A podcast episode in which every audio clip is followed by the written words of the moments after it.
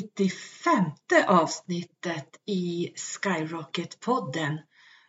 Wow! Har jag producerat så många avsnitt? Jag blir alldeles chockad. Eh, men det är faktiskt sant när jag börjar titta efter här. Jag vill dra lite nyheter innan vi drar igång det här avsnittet som kommer att handla mycket om esoteriken bakom ja, mysticismen kanske vi ska säga för att nämna det lite kort. Men jag har numera en företagsswish där man kan donera en valfri summa som tack för det arbete jag lägger ner när jag gör mina avsnitt här. Det tar ungefär, vad ska jag tro, fem timmar är nog för lite. Eh, vi närmar oss nog nästan sju och en halv, åtta timmar innan ett avsnitt ligger ute. Så det är ganska mycket gratisjobb. Um, ehm, Naturligtvis så kan jag ju, det här är ju självvalt eftersom mitt mission är att sprida så mycket kunskap och information som jag bara förmår och kan. Men man ska också tänka på att man kan ge människor en liten feedback för det arbete man faktiskt lägger ner i att podda eller skriva artiklar och så vidare.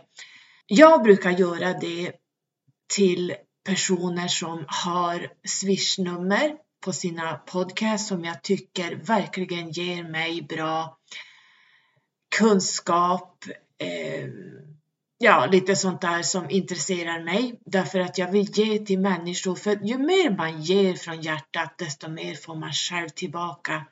Ni vet lagen om kompensation. Läs där på min hemsida under artiklar när jag pratar om eh, de universella lagarna, inte naglarna, lagarna. Så man kan alltså swisha en valfri summa för det arbete jag lägger ner och jag skulle vilja därmed tacka ett speciellt tack till en kund till mig som heter Ann-Marie som har donerat en rejäl summa till det arbete jag lägger ner i mitt poddande. Så jag eh, kommer att lägga ut människor som faktiskt eh, ger gåvor och donationer till mitt arbete som eh, esoteriker och andlig vägledare. Inte nog med det, ni har säkert sett det på mina stories, samma kvinna som, jag, som nu har donerat till min podcast och mitt arbete har skickat ett paket till mig. Det kom alltså ett paket och det innehöll ett brev där hon har ritat av mig där det står Capricorn Facts. You think karma is a bitch. Wait until you piss off a Capricorn. det var ju så jäkla sant. Tack Ann-Marie. Sen står det så här i ett personligt brev. Hej Carola med ett hjärta. Jag var på en liten butik här i stan och såg då en massa stenar och kristaller. Fick syn på en brun sten och började tänka på dig. Kollade då upp den och såklart passar den bäst för stenbockar och lejon därför att jag är ju då en solstenbock och en lejonascendent. Såklart, skriver hon. Den andra stenen kändes också som att den ska till dig. Och det var alltså en sten som passar min månevåg. Och så skriver hon, du jobbar så hårt, helt gratis med både nyhetsbrev, podd och dina inlägg och jag tror också hon tänker på eh, mina artiklar. Så du förtjänar lite uppmärksamhet. Jag uppskattar dig så mycket, puss och kram. Och så har hon skrivit, det finns förklaringar på stenarna på två lappar som hon själv har skrivit. Utöver att hon skickade kristaller till mig per post så fick jag även en kylskåpsmagnet där det står Det finns bara en som du. Alltså what? Jag vet att ni har sett det här på stories, men jag vill bara säga det till andra lyssnare som inte har sett mina stories att jag kanske skrev det här. Jo, vet ni att jag skrev det här på min Instagram? Ja, det gjorde jag. Förlåt mig, nu är jag helt förvirrad.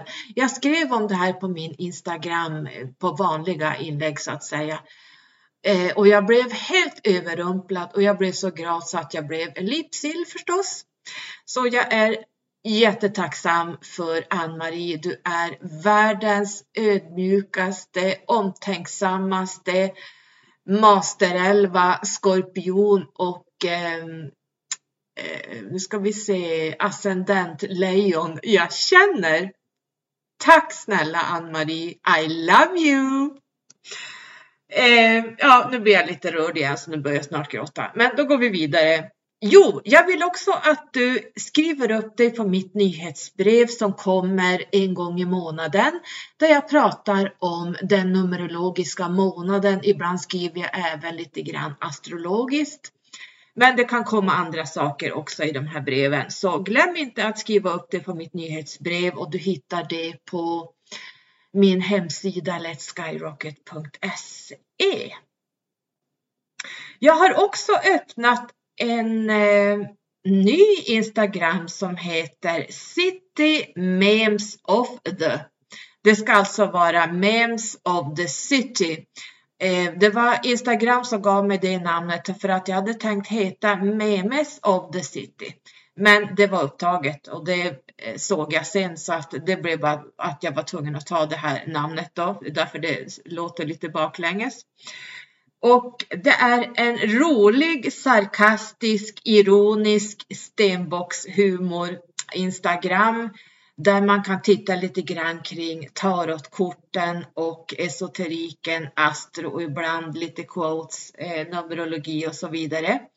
Det är inte så många som vet om det här kontot men jag flaggar lite grann för det nu. Sen har vi ju Quadrivium Vars också på Instagram där, som jag har med mina galaktiska systrar Sofia och Sofie.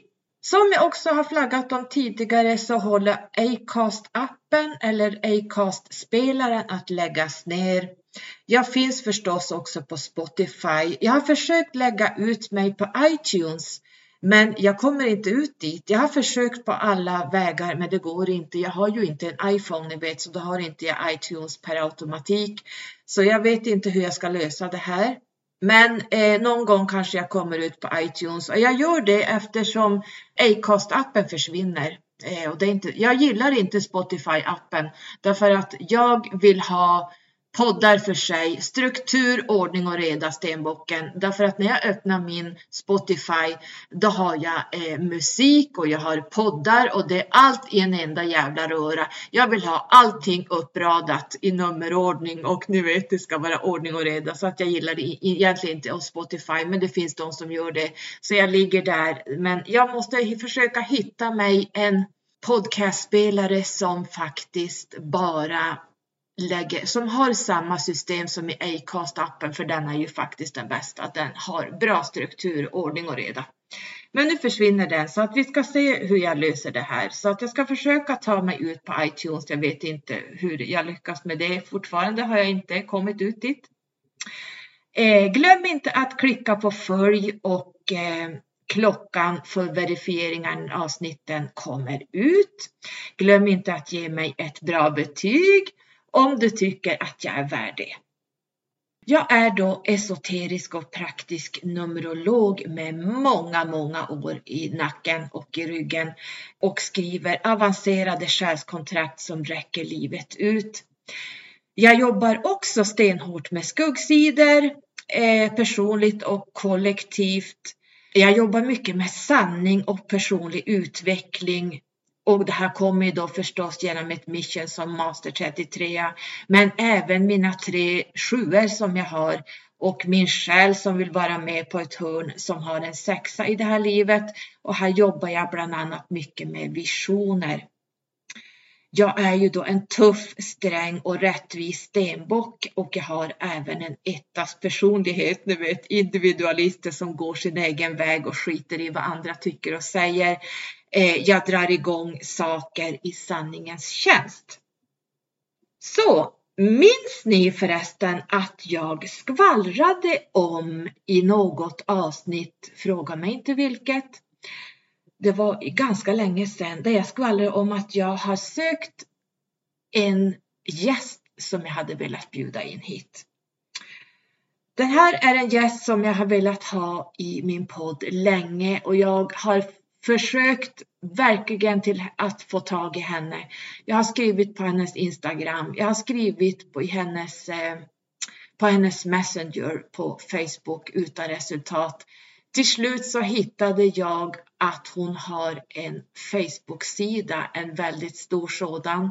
Jag kommer inte att skvallra om vem hon är ännu och därigenom så hittade jag igen henne. Så hon har svarat nu efter så här många månader, det kanske till och med har gått ett år, jag kommer inte ihåg.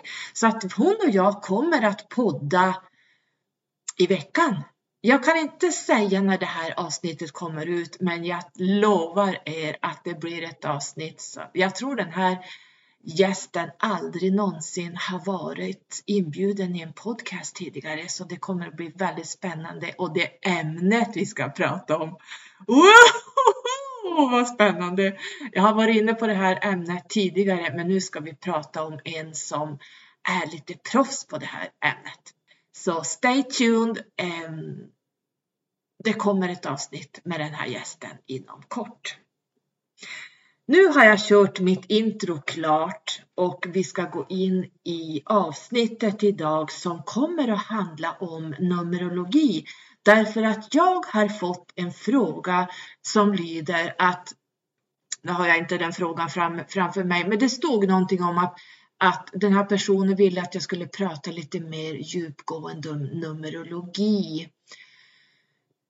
Um, lite symbolismen kring djupare esoteriska numerologin som jag pysslar med och som jag då skriver om i era själskontrakt nu för tiden. Och den här frågan löd, kan du prata lite grann om Jesus? Kan du prata om Brahman? Kan du prata om Buddha?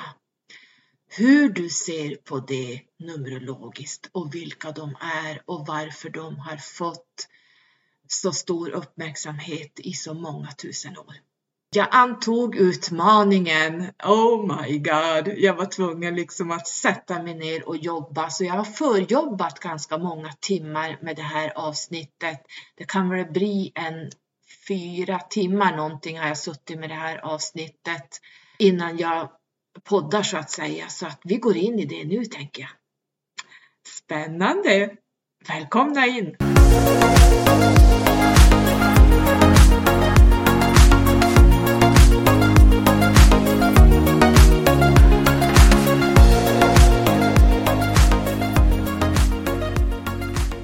Just det. Jag brukar ju prata om att Numerologin är källan till allting. Eh, numerologin är kosmologin.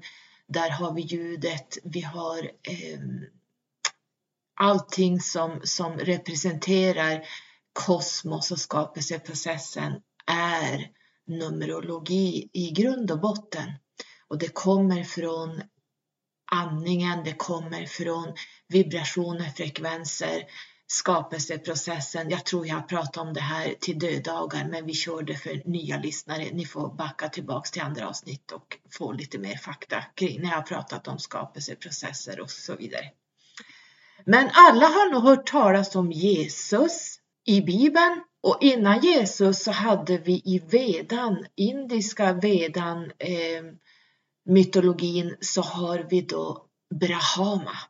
Jag tror inte det är så många som känner till Brahma och så har vi även Buddha och inom buddhismen så känner vi till Buddha. Och jag tänker göra en numerologisk förklaring till de här tre deities, alltså gudarna som har skapat både religioner och skapat väldigt mycket saker i världen på gott och ont. Kanske mest i Bibeln har skapat mest ont, men eh, jag tänker att vi ska börja ta dem i tur och ordning och jag tänker mig att vi börjar med vedan. Vedan känns äldst. Vedan är faktiskt äldst i allting. Vedan hade också numerologi. Det är ingen numerologi som jag använder. Jag har studerat den och jag kan den, men det är inte en numerologi som man i modern tid kan använda och dess uträkningar. Det funkar inte. Jag har provat alla vägar kors och tvärs. Det, det går inte hela vägen. Det fattas en massa delar som inte blir rätt. Så att jag har lämnat den vediska numerologin, men man ska veta att numerologin kommer ifrån vedan. Allting vi känner till idag kommer från vedan. Det är bara så. Så jag tänker att vi ska börja med Brahama, Brahaman. Och vi ska gå in på, jag öppnade faktiskt här för att köra lite de som inte vet vem han är och vi kan läsa då om Brahama på Wikipedia där det står att Brahama är en gud inom hinduismen som representerar världens skapare. Den moderna människan idag som är kristna kallar ju det då för Gud. Men inom hinduismen så har vi Brahama och det var han som gav alla människor och djur en offersked och ett radband. Och ni vet det här radbandet som de sitter och mediterar kula för kula och där har man 108 kulor där 108 numerologin går in igen. Varför är det just 108 eh, pärlor?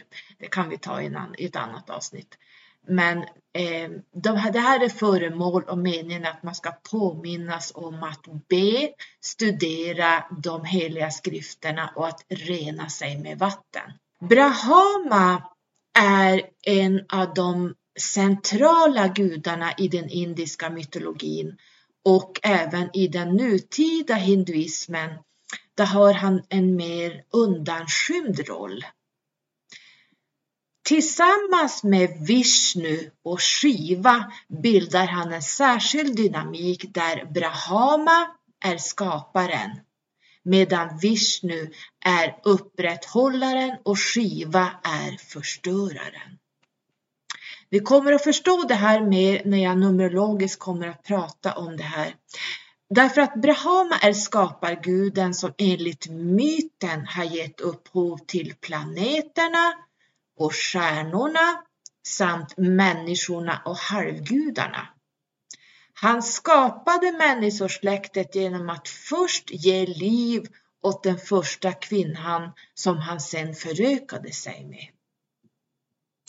Själv ska Brahama ha uppstått ur tomma intet.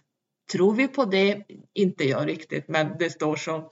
Senare har det uppkommit nya berättelser enligt vilka han ska ha fötts ur en lotusblomma som växt ur Vishnus navel. Och vad är lotusblomman? Mm. Vi tar det sen. Brahama avbildas med fyra ansikten och fyra armar. Ansiktena representerar de fyra värdestrecken och de fyra vedaböckerna. Vill man veta mycket mer om kring ayurvedan, jag kommer på det mitt i, i det här nu, att vi har en specialist i Sverige som gör tentor just nu och det är Sofie Johansson Annegren. Hon är snart en fullfjädrad ayurvedisk vägledare. Hon kan också de här sakerna som ett rinnande vatten. Så vill man ha vägledning kring det här så ska man prata med Sofie Gios visdom. Eh, hon, hon heter så på Instagram och på Facebook. Men det blev bara en liten parentes. Jag kom på det nu när jag pratar om de fyra vedaböckerna här. Eh, vi fortsätter då eh, och i händerna håller Brahama många avbildningar av rosenkransar som symboliserar tiden. Är ni med? Tiden, vad är tiden? Jo, det är ljudet. Och ett vattenkärl som symboliserar grundämnet för universum. Och jag har pratat om grundämnet för universum, vattnet, när jag pratade kring astrologin och skapelseprocessen av vårt universum. Ni kan lyssna mer där. Och han har även en bok som representerar Veda-texterna.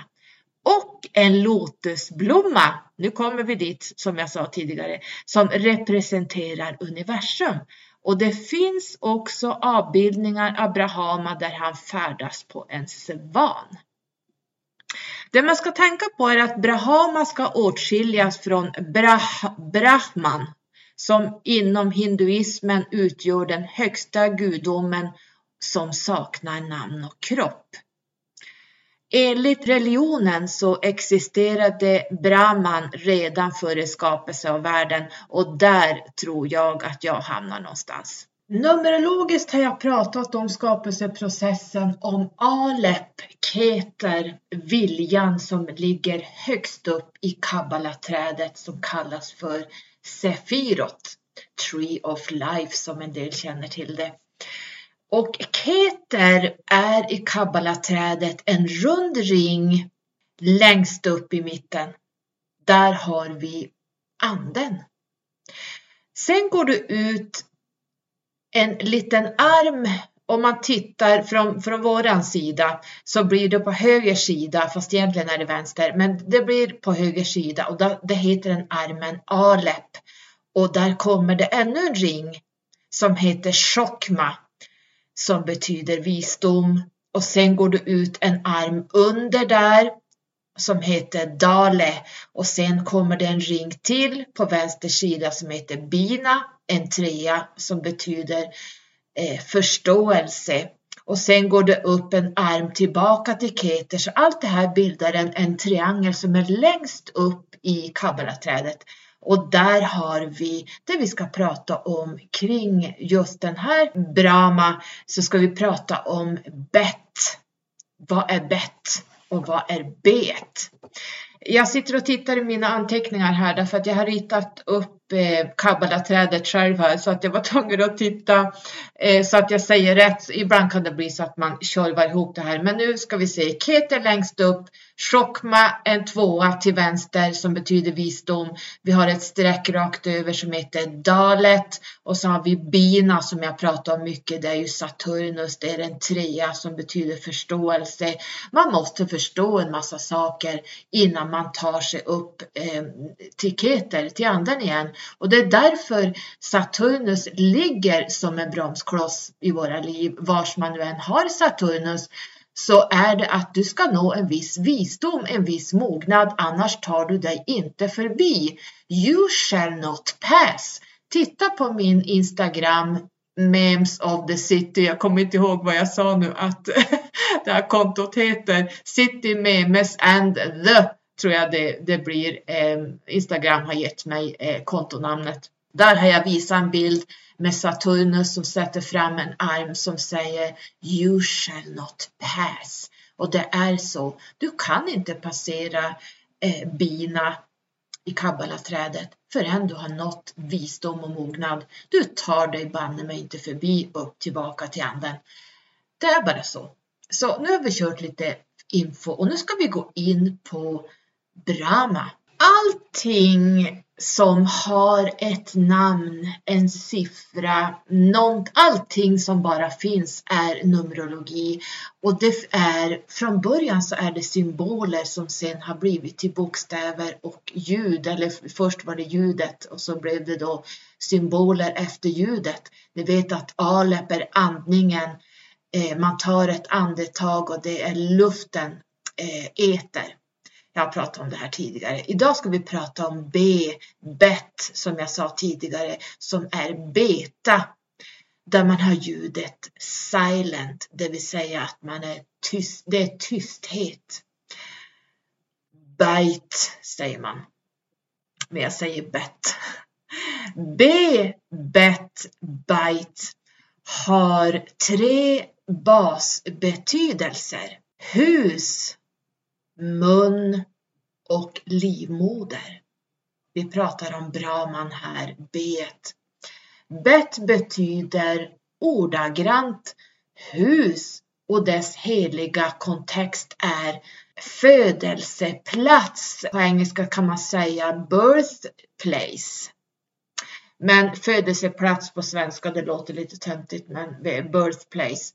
Och jorden är ju vårat hus och enligt forntid hebreisk tradition var det bokstaven B som skapade jorden. Varje gång vi ser bet i Bibeln betyder det hus som i Betlehem. Bet, B-E-T-H, Betlehem. Här har vi bet. Huset av bröd. Balbet. Bal, B-E-T-H, Balbet är solens hus och Bethel. Bet-El, Guds hus.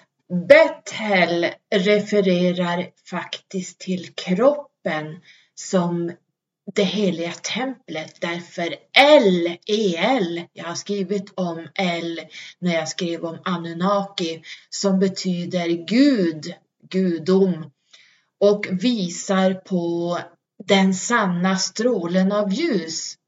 Alltså, eh, man skulle kunna säga på engelska true ray of light vilket är en del av den existerande guden inom oss alla som är receptiv till visdom och godhet. Bett är livmodern, the womb, eller womb hur man säger på engelska. Därför det är bostaden för fostret, alltså the dwelling place för fostret att växa i innan den är redo för födelse. Så bättre också munnen, the dwelling place, huset för ord som kommer att födas när du pratar. B är ett explosivt ljud från läpparna som antyder den ursprungliga explosionen som byggde ut planeterna. Och ni minns vad jag sa om Brahman att han skapade alla stjärnor och planeter. Så det här stämmer rätt bra hörni. Nu ska vi se mina anteckningar. Jag har suttit här nu innan avsnittet här. Jag kan knappt läsa min egen stil här. Eh, jag har skrivit så här. Bet är den första av de sju dubbla bokstäverna av det hebreiska alfabetet och var och en av de sju formar sju motsatser eller olikheter av kvaliteter då bett är livet och döden och ni vet att jag brukar säga att vi föds och dör i samma sekund. Originalet av bett var en square, en fyrkant och här har vi faktiskt Saturnus också som ni vet jag pratat om det tidigare när jag pratade om Saturnus och skapelseprocessen. Eh, att eh, man eh, ni vet att det står en stor svart kub eh, på vars fasen vilket land det är. De har en stor kub som de eh, mässar till. Eh, jag, det här var inte förberett. Jag skulle säga, jag, jag tappade ordet vars det, vars det är någonstans. Eh, som representerar ett hus. Och sen utlämnades den vänstra väggen och man lämnade ett tak ena sidan och golvet av den här rutan. När grekerna tog bokstaven från hebreerna så dubblade de rutan, den här square. Och romarna i sin tur behöll den raka sidan men rundade ut rummen. Ni vet att ett B har som, först har den ett rakt streck och så är det som två runda rum på varsin sida. De här slutna rummen kan hysa vad man kan kalla hussamlingar. Därför att B gillar att samla på saker från idéer, från böcker och andra saker. Och B gillar också att vara nära hemmet. B är det omvårdnande bröstet. Jag vet inte riktigt hur jag ska förklara det, men jag ser det som att B är ett, om, ett omvårdnat bröst, alltså moderns barm. Ehm, den första bokstaven av ett ord berättar om ordets sanna natur. Till exempel baby har två B i sig därför att babyn behöver näring och omvårdnad av moderns bröst. Detta för att det är processen av att bygga upp en kropp. Body börjar med B därför att det är huset som själen bor i. Och B är byggaren och numret för det är fyran som då i sin tur är en square. Ni vet att fyran är en fyrkant. Det finns fyra sidor och fyran i sig representerar bland annat eh, om vi nu tar ett ord av eh, fyra av fyra sidor när jag skriver om fyran så, så är det att man bygger. Och det är faktiskt grundstenen, fyran är också grundstenen av Master 22.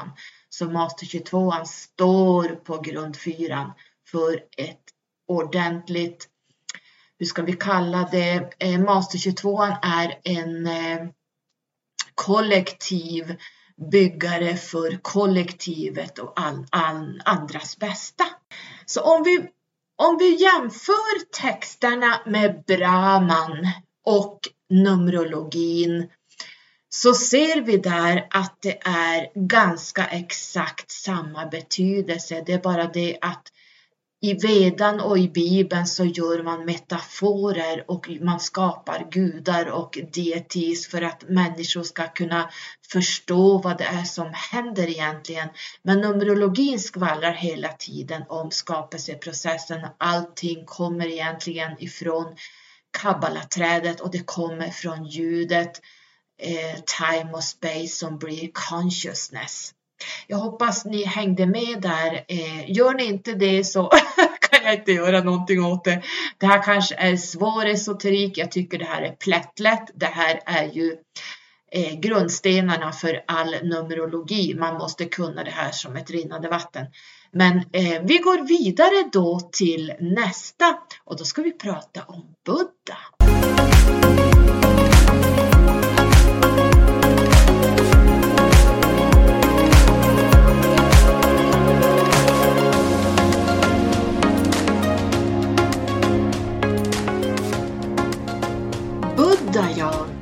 buddhismen, Buddha, Siddhartha, Gautama, jag vet inte hur man säger hans namn. Han tillhörde ju krigarkasten, det vill säga de ridderliga adeln. Han härstammade alltså från adelssläkten. Ehm, den hette Shakyn, Shakyn tror jag de hette. Så att eh, Buddha, eh, medan han var eh, vanlig levande människa, eller vanligt, vad kallar man för vanlig människa? Han är ju vanlig människa, men ni förstår, innan han uppnådde, uppnådde upplysning så kom han alltså från ridderlig adel. Hans far hörde då två profetier om sin son. Antingen så skulle han bli kung eller så skulle han bli en Buddha. Hans far såg till att Siddhartha aldrig skulle ha en anledning att vara olycklig eller missnöjd med sitt liv. Han skulle vara skyddad från allt otillfredsställande och fult såsom ålder, sjukdom och död. Och det vet vi ju att det funkar ju inte i längden hur mycket man än vill det så att det, det kan man aldrig säga eller lova någon. Så eh, när Siddhartha begav sig ut från det här palatset han bodde i så stötte han på en gammal och ful man och sen stötte han på en död man. Och det här fyllde eh, honom med obehag, skam och vämjelse. Och sen stötte han på en vandrande asket och asketerna håller på med övning i andning och fysisk mening. Man kan säga lite grann som en andlig lärare eh, inom den här genren då. Och han bestämde sig för att själv bli en asket. Men trots det så fann han inte lösningen för det här lidandet. Han följde då istället väldigt strikta asketer och trots det så fann han inte heller det han sökte. Han satte sig då under ett boditräd och bestämde sig att sitta där tills han antingen dog eller fann den här upplysningen, eh, buddhaskapet. Mara kom då på besök. Den eh, vad kristendomen kallar för djävulen. Eh, Maran är ju också ett fornnordiskt namn Eh, som försökte förhindra han att nå det här buddhaskapet. Men till slut så lyckades han. Han ansåg sig nu att han hade segrat över återfödelsen och befriats från det här eviga kretsloppet av födelse och död och karmiska hjulet. Många födelsers kretslopp har jag rastlöst genomlupit sökande efter husets byggmästare. Fruktansvärd är den eviga återfödelsen. Husets byggmästare. Du är skådad, du ska inte mer bygga något hus. Dina bjälkar har brustit och husets tak är förstört. Hjärtat som blivit frigjort har utplånat alla begär. Buddha är också en beta bet bet som jag pratade om när jag pratade om Brahman. Och det, det blir eh, samma betydelse här. Och här pratar man alltså om fyran, de här husen, husets byggmästare.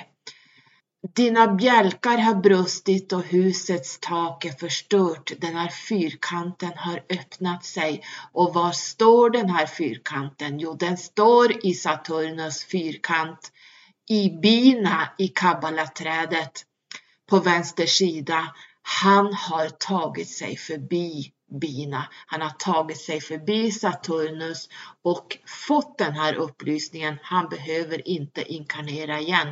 Jag tänker inte dra bina eller bett igen för det, det, blir, det blir precis samma eh, hur ska jag säga, vägledning här. Men jag tror att ni börjar förstå lite grann med vad numerologin och kabbalan, ljuden och eh, vibrationerna och eh, hur vi kan nå upplysning. Vi måste jobba oss igenom kabbalaträdet eh, därför att det är när vi tar oss förbi visdom och kunskap och då vi har lärt oss det vi ska lära oss, ja men då öppnas det här taket i den här fyrkanten. Det är det vi jobbar med hela tiden och för att ta oss dit så måste vi jobba med att släppa olika saker. Det är våra skuggsidor som vi måste jobba med helt enkelt. Och där är inte människan idag. Vi är så långt ifrån den här upplysningen att vi är längst ner i kabbaträdet, kanske inte jag, men eh, de, det, det, finns ju de som har tagit sig upp högt. Men det, det, jag kan säga att det är, om man tittar kollektivt hur det ser ut i världen och människor som man möter och hör och lyssnar på. Det är fruktansvärt hur låg medvetenhet det finns. Det finns ingen medvetenhet överhuvudtaget idag bland befolkningen. Så att vi har väldigt, väldigt mycket att jobba med framledes här. När vi pratar om esoterismen, esoter, esoteriken, som, det kommer egentligen från grekiskans iso, inuti, som egentligen har med motsättningar att göra. Och det här kan vara ett svårdefinierat begrepp som vanligen syftar på eh, hemliga läror fördolda kunskaper knutna till hemliga sällskap. Ni vet ju eh, Golden Dawn och alla de här eh, hemliga sällskapen och de här sällskapen kan ha hemliga invigningar och inte sällan i flera steg. Många, men långt från alla av de här hemliga lärorna har bottnat i religionen och det är ju där vi pratar lite grann just nu, där jag tar upp Eh, Eh, buddhismen och eh, hinduismen och vi ska prata om Jesus också. Men vi ska även ta upp en sak till. Esoteriska läror är mystiken, det som är dolt, som inte man normalt ser. Och om man tittar i de grekiska mysteriereligionerna så har i princip alltid de existerat inom religionen vi kan prata om surfism, kabbala, gnosticismen. Johannes Eckhart, Jakob Böhme, eh, ja lite olika sådana här eh, olika läror. Vi har mitrahismen, de romerska soldaternas kult. Vi har gnosticismen, vi har Platon och nyplatonismen. Vi har också hermetismen som är väldigt populär idag. Vi har alkemi, vi har druider och häxor. Eh, vi har sufismen, vi har kabbalan och en sof, det vill säga den högsta guden. Vi har teosofin, vi har teosofiska samfund, vi har adjar, vi har frimureriet som jag kommer att prata om lite grann, inte så mycket, men lite grann i det här avsnittet. Vi har de hemliga rosenkreusiska broderskapen. Vi har Swedenborg, ja, the list goes on. Ehm, och det här är esoteriken, vad som gömmer sig bakom alla läror. Så att det är det. Och om man säger så här, eh, Numerologin är esoterik för det är dolt för människan. Eh, Kabbalan likaså. Så det är därför jag inte pysslar med fjärde dimensionen och andar. Därför att andar är i det här karmiska hjulet. De har inte högre kunskap än när de gick ur den här tiden och är en ande på vänt eller en själ på vänt. De har väldigt låg kunskap, de har inte högre kunskap än vad de har skaffat sig när de var här nere. Förstår ni hur det fungerar? Så därför ger det inte mig någonting att lyssna på bortgångna andar. De får vara 3000 år om de så vill. En ande kan röra sig fritt genom väggar, de kan aldrig vara instängda någonstans eftersom anden kan gå genom väggar, de kan gå genom bilar, de kan gå genom eh, källare och whatever. De kan aldrig sitta fast någonstans eller de kan inte röra sig, eh, eller de kan röra sig fritt. Och de har absolut egentligen inte, de har ett mänskligt perspektiv men de har inte en, ett högt medvetande. De har ett mänskligt medvetande som är från den fjärde dimensionen. De har inte tagit sig ur det karmiska hjulet.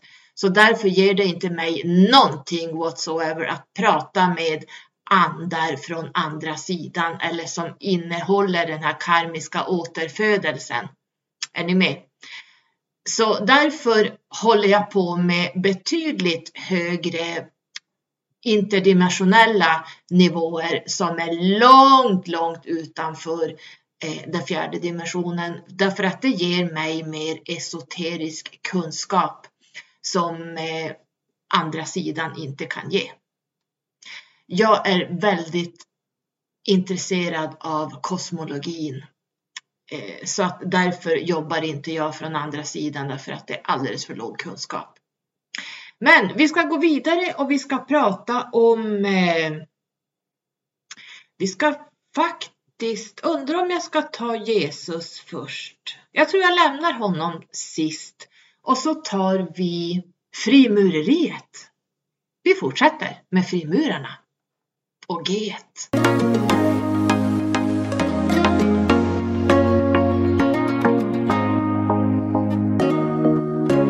Frimureriet, Freemasonry. Passare och vinkelhaken mm, känner igen, det bildar ett V och så är det ett G i mitten, alltså eh, vinkelhaken är under som är V som eh, ses som den kvinnliga aspekten och eh, passaren som ser ut ett A utan strecket över. Där har vi då eh, den maskulina A, eh, om vi skulle, jag skulle kunna säga eh, Alep, A och V och i mitten har vi ett G i frimurerisymbolen och jag hinner inte gå in på frimurarnas eh, dåliga rykte för att eh, de är inte att hålla på med kan jag säga. Det är inga bra saker. Men tanken bakom den här esoteriken är att frimureriet är ett är en verksamhet som under det här namnet bedrivs av ordenssällskap som vill verka för medlemmarnas personliga utveckling till bättre människor. Eh, och det här åstadkommer man då med hjälp av ritualer och upplevelser vilka man med hjälp av ett färgrikt bildspråk och med vissa system religiösa referenser, råd och kunskap hur man ska, eller ska och bör leva sitt liv. De bedriver verk, hjälpverksamheter och stödjer kultur och forskning inom angelägna ämnen. De flesta frimurerisystem är endast till för män, men det finns även loger där en som endast accepterar kvinnor som medlemmar. Där skulle man behöva gå in och eh, ordna upp lite ett och annat. Och det kallas för samfrimureri där man då både har kvinnor och män.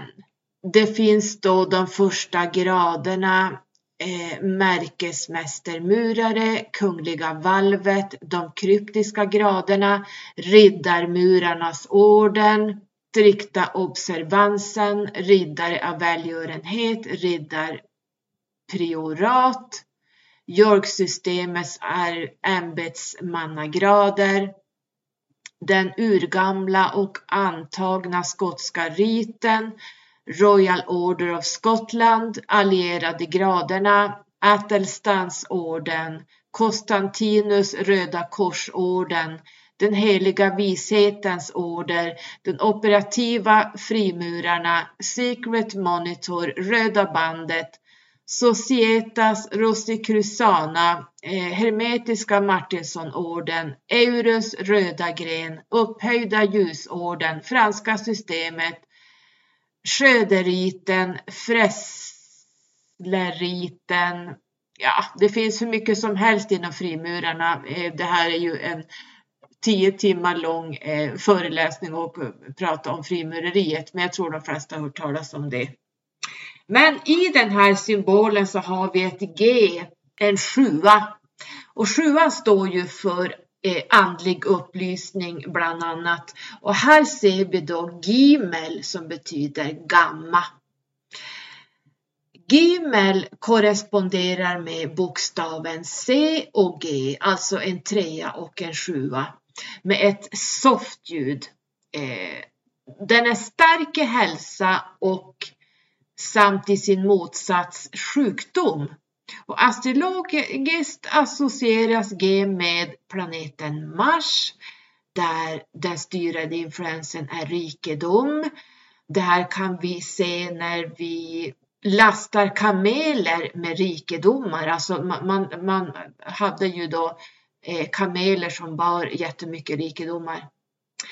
Gimel betyder ju då förstås kamel Mars som är den röda planeten styr blodet. Jag pratade om det här tidigare inom astrologin. Jag tror jag pratade om väduren och Mars och pratade mycket om det här. Eh, the life force, alltså livskraften i människans kropp. Och blod och vatten är nödvändigt för liv.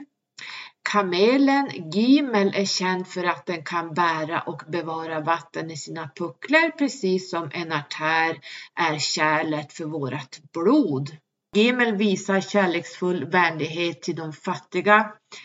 Forskare, alltså science, har bevisat att kärleksfulla handlingar ger en god hälsa och dåliga känslor och gärningar skapar dåligt blod. C en trea och G en sjua relaterar till hälsovisa då Gimel relaterar till hälsa och sjukdomar. Se då genom tre är vårt fundament då det är genom treenigheten, Fadern, Sonen och helige Ande vi skapats. Eh, treenigheten är synonymt med modersbokstäverna Alep, luft, Mem som är vatten och Skinn som betyder eld som är nödvändigt för våra, våra fysiska makeup och våran goda hälsa. G som är en intellektuell sökare efter full visdom, där har vi sjuan, eh, som praktiserar då science, alltså forskning, skrivande, analytiska uträkningar som strävar efter eh, perfektion.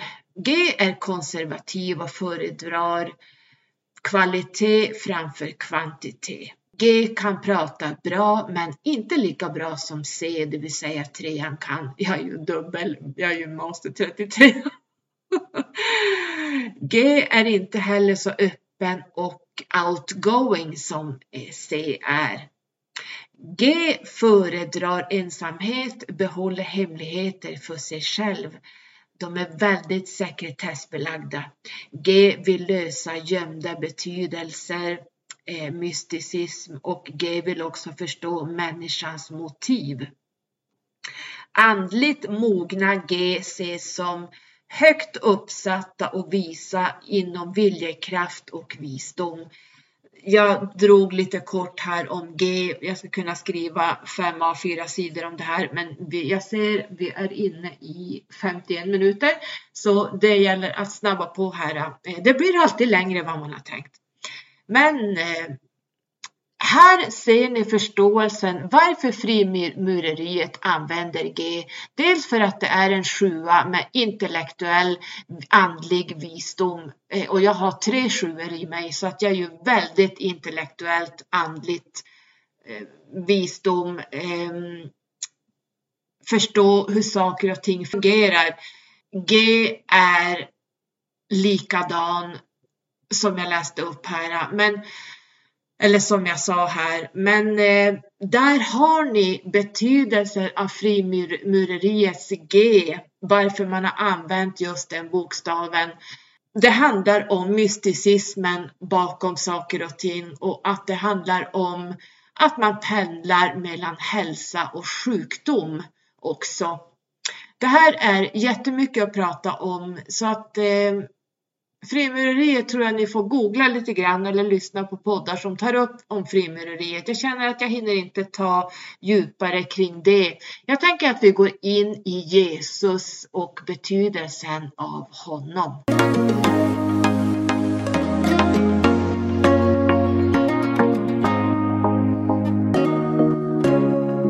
Jesus J nummer 10 Jod kallas iota som ligger i bria i kabbalaträdet, det vill säga mindet underställd anden.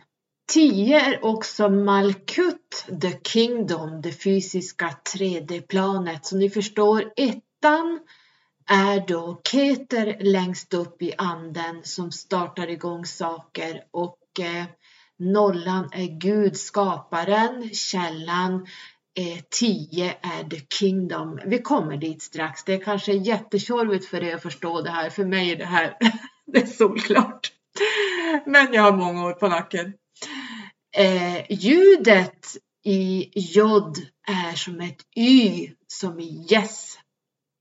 Jod har influensen att arbeta för jod betyder hand. Symboliskt kan vi se fingrar som pekar upp mot himlen och ner mot marken. Man kan tänka sig magikern som står och pekar upp med ena handen och uppåt och ena handen neråt, precis som djävulen gör. Och det här symboliserar att vi kan skapa med våra händer.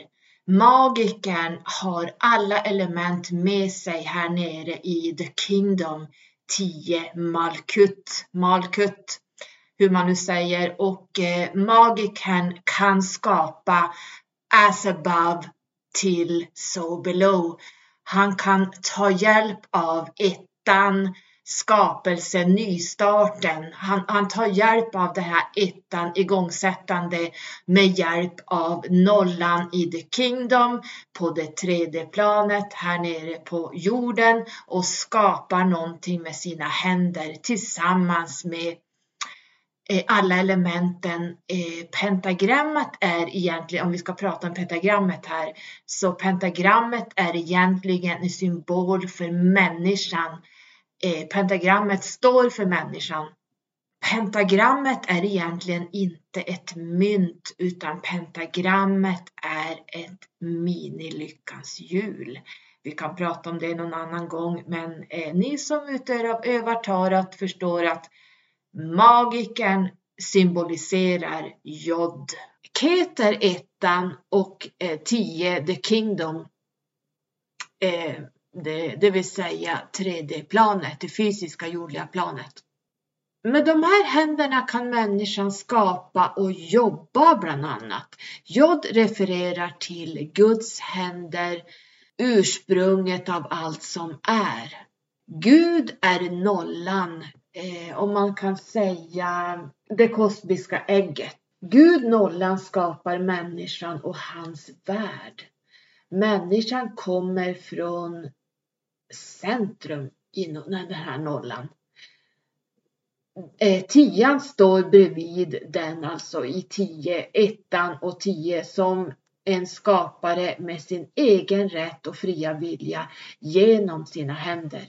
Alltså 10, the kingdom, är det fysiska planet där ettan är skapelseprocessen i Alep, Keter. Nollan är egentligen Guds skaparkraften. Under tidernas begynnelse var I, J och Y utbytbara, så J uttalades som Y, som Jesu eller Jesu med Y. Vad heter han mer? Jesu, eh, Jesu, Jesua tror jag man säger också. Ibland var jod eh, stavad som J-O-D, alltså jod som vi säger jod men det stavas eh, numera YOD. Ettan är ju initieringen, starten och början. J är 10 som är den första bokstaven på en ny avancerad nivå av medvetenhet och medvetandet, consciousness. Då 10 är högre än 1 plus att nollan är Gud källan som står bredvid tänker att ni har tarotleken där vi har då fram till Essen och till nian och i tian kommer parserna. Här börjar en ny cykel och det är precis som dimensionerna också. Eh, vi har nio dimensioner som vi kan eh, nå. Sen nummer tio börjar någonting helt annat. Tian säger jag har varit här tidigare och nu har jag nya vägar att utforska. Det blir lättare om du tänker dig parsen i pentagram, parsen i stavar, parsen i eh, svärd och parsen i bägare. Eh, J är ofta religiöst inriktad för J bär på ett kors som också är en krona Ettan är självet och nollan är Gud källan. J som är Jesus söker avancerad position i livet. J ser ut som en fiskekrok med kroken vänd mot vänster. Och då vi skriver från vänster till höger indikerar det från det förflutna mot framtiden. Det betyder att J har ett gott minne, Jesus. J är som en kopp, eh, ett kärl att förvara minnet och kunskapen i den här lilla kroken. J gillar inte att bli tillsagd vad den ska göra. De är inga följare, de är ledare eh, med stora ambitioner. Man frågar J för råd då J hämtar information från Gud källan i nollan i den här tian. J-ord är judgment, justice och judges. Är det en tillfällighet att J är den tionde bokstaven och Y är den tjugofemte bokstaven? Man säger ju att Jesus föddes den 25 december. Är det en tillfällighet att de här J-namnen Jesus, John the Baptist, John the Apostle, Jacob, James the Apostle, Jeremiah, Joshua, son of Nun who took Moses place. Det finns mycket J-ord med stora profeter och det finns en anledning till att Bibeln har gjort en metafor av skapelseprocessen. Oj, om jag kunde förklara det här så att ni förstod det bättre. Ehm, det här är egentligen bara ljud som är symboler som ger vibrationer och händelser och som sen vi människor tar över. Det finns väldigt mycket sammanträffande kring Jesus och den betydelsen av numerologins J och tian, ettan och nollan, vad det står för och eh, B som i Buddha och Brahman som då är bet, beta, tvåans alla egenskaper. Eh, med eh, ja, allt vad tvåan står för. Jag ser jag har pratat i över en timme nu. Nu står den på ett, nu har jag oklippt, men en timme 52 sekunder står det. Men ni förstår det här. Det, det här, det är därför jag inte tror på Bibeln och allt det här, utan jag är säker på att visst kanske Jesus har funnits, men inte som Bibeln skriver det, utan Bibeln skriver från Numerologin, alla energier. Det handlar om ljudet som blev symboler, som blev bokstäver. Man formade bokstäver efter ljudet. Eh, och sen så blir det när vi pratar genom munnen så formar vi ord av de här ljuden och de här ljuden består av de här bokstäverna som har vissa siffror. Ja, ni förstår det här. Jag kan inte förklara det här nog bra, det går inte. Men jag hoppas ändå att jag har sått ett litet frö i er att eh, ni förstår den djupa esoteriska kunskapen kring Numerologi. Nu har jag bara skrapat på ytan och ändå har jag pratat i en timme nu. Men det här är bara ytan av vad kunskapen som jag besitter. Jag skulle kunna prata i flera timmar men ni skulle inte fatta ett skit tror jag. Det här, det här, antingen så tänker man så här, jag fattar ingenting vad hon pratar om. Är hon helt jävla hundra i huvudet? Eller så fattar man precis vad jag pratar om. Det är lite olika eh, hur man har sina numerologiska Eh, hur man har sin numerologi i, placerat i sin kropp så att säga, om vi ska säga det enkelt. En del ska förstå det, en del kommer aldrig att förstå det. En del kommer aldrig att vakna upp i det här livet. En del bara work, eat, sleep and then you die. Man går omkring med ångest, man går omkring med depressioner, man går omkring med aggressioner och triggers. Eh, man går omkring med ledsamheter och bara se fram emot ett drömmande och att snart går jag i pension. Alltså det, det här är så tragiskt och det som håller på händer i, i världen just nu. Eh, jag skulle kunna prata hur mycket som helst men eh, jag brukar hålla mig till en timme och där är vi nu. Så att eh, jag hoppas att du fick ut någonting av det här, att du förstår lite mer kring Numerologin nu hör jag någon som säger, vadå 10? Numerologi går ju bara 1 till 9 årscykler. Allting går i nio cykler, absolut. Det finns ingen som har en tio livsväg. Det finns ingen som har en tia i själen. Det finns ingen som har en tia i sitt själskontrakt. Det är helt korrekt. Däremot så finns det masternummer 11, 22, 33 och det är inkarnationer som har ett högre syfte som jag pratat om många gånger. Men tian finns absolut inte i Numerologin som vi räknar ut eh, som oss människor. Däremot pratar man om, man, man, man pratar tian som eh, Malkut, Eh, den tredje dimensionens kingdom. Därför ni ska veta det att jorden anses vara the kingdom.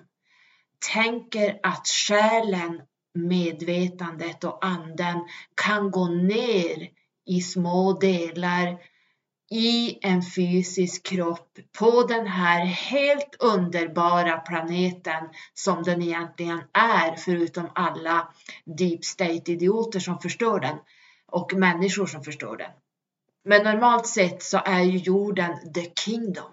Jorden är the kingdom och det är därför man använder tian för att förstå esoteriken bakom att vara här som fysisk människa på jorden. Man tar med sig ettan, initieringen av anden, eh, ner till och man tar med sig Gudkällan i nollan hit ner i the kingdom som blir nummer 10. Förstod ni det där? Jag förstår om det blir jättetjorvigt för er. Oh my god, jag vet inte hur jag ska förklara det. Men får, ni behöver inte förstå det. Jag kan bara säga, för jag hörde någon som frågar här, finns livsväg 10 eller 10 i någonting? I Numerologi? Absolut inte och det kommer aldrig att finnas tia. Du kan aldrig vara en tia. Vi pratar aldrig tio och får du en uträkning där du hamnar på tio, då blir du en etta. Så enkelt är det så att eh, 10 finns inte i Numerologin överhuvudtaget. Och vill du ha ditt jättestora livslånga själskontrakt med jag kan skriva upp till plus 50 sidor om dig beroende på vad jag hittar. Och det är jättespännande att ha kvar det här resten av livet för att man kan gå, in då och då och titta. Alltså det är som att se sig själv i spegeln. Du ser din egen eh, spegelbild.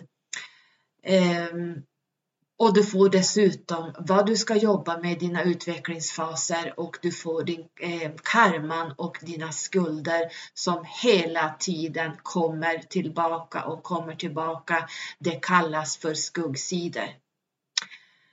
Tack ska du ha för att du har lyssnat och du kan beställa ditt själskontrakt på letskyrocket.se. Jag har även tagit upp reikin igen. Jag eh, jobbar nu på distans, distansreiki, så ni kan boka mig även där om du vill ha distansreiki, kraftig sådan från mig.